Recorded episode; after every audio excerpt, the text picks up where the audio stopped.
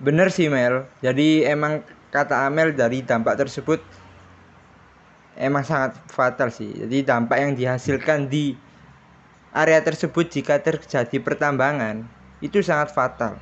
Yang disebutkan Amel memang benar. Dan pohon-pohon di situ emang sangat subur dan dapat menyuplai menyuplai dari keuangan warga tersebut.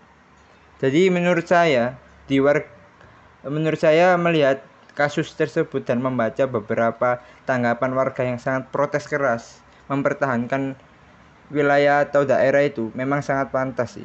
Jadi emang setengah mati dan mati-matian buat e, mempertahankan wilayah tersebut agar tidak terjadi area agar tidak terjadi pembangunan pertambangan di area tersebut karena memang memang sangat-sangat meresahkan bagi warga dan merugikan untuk kelanjutan hidup bagi warga tersebut sangat fatal sih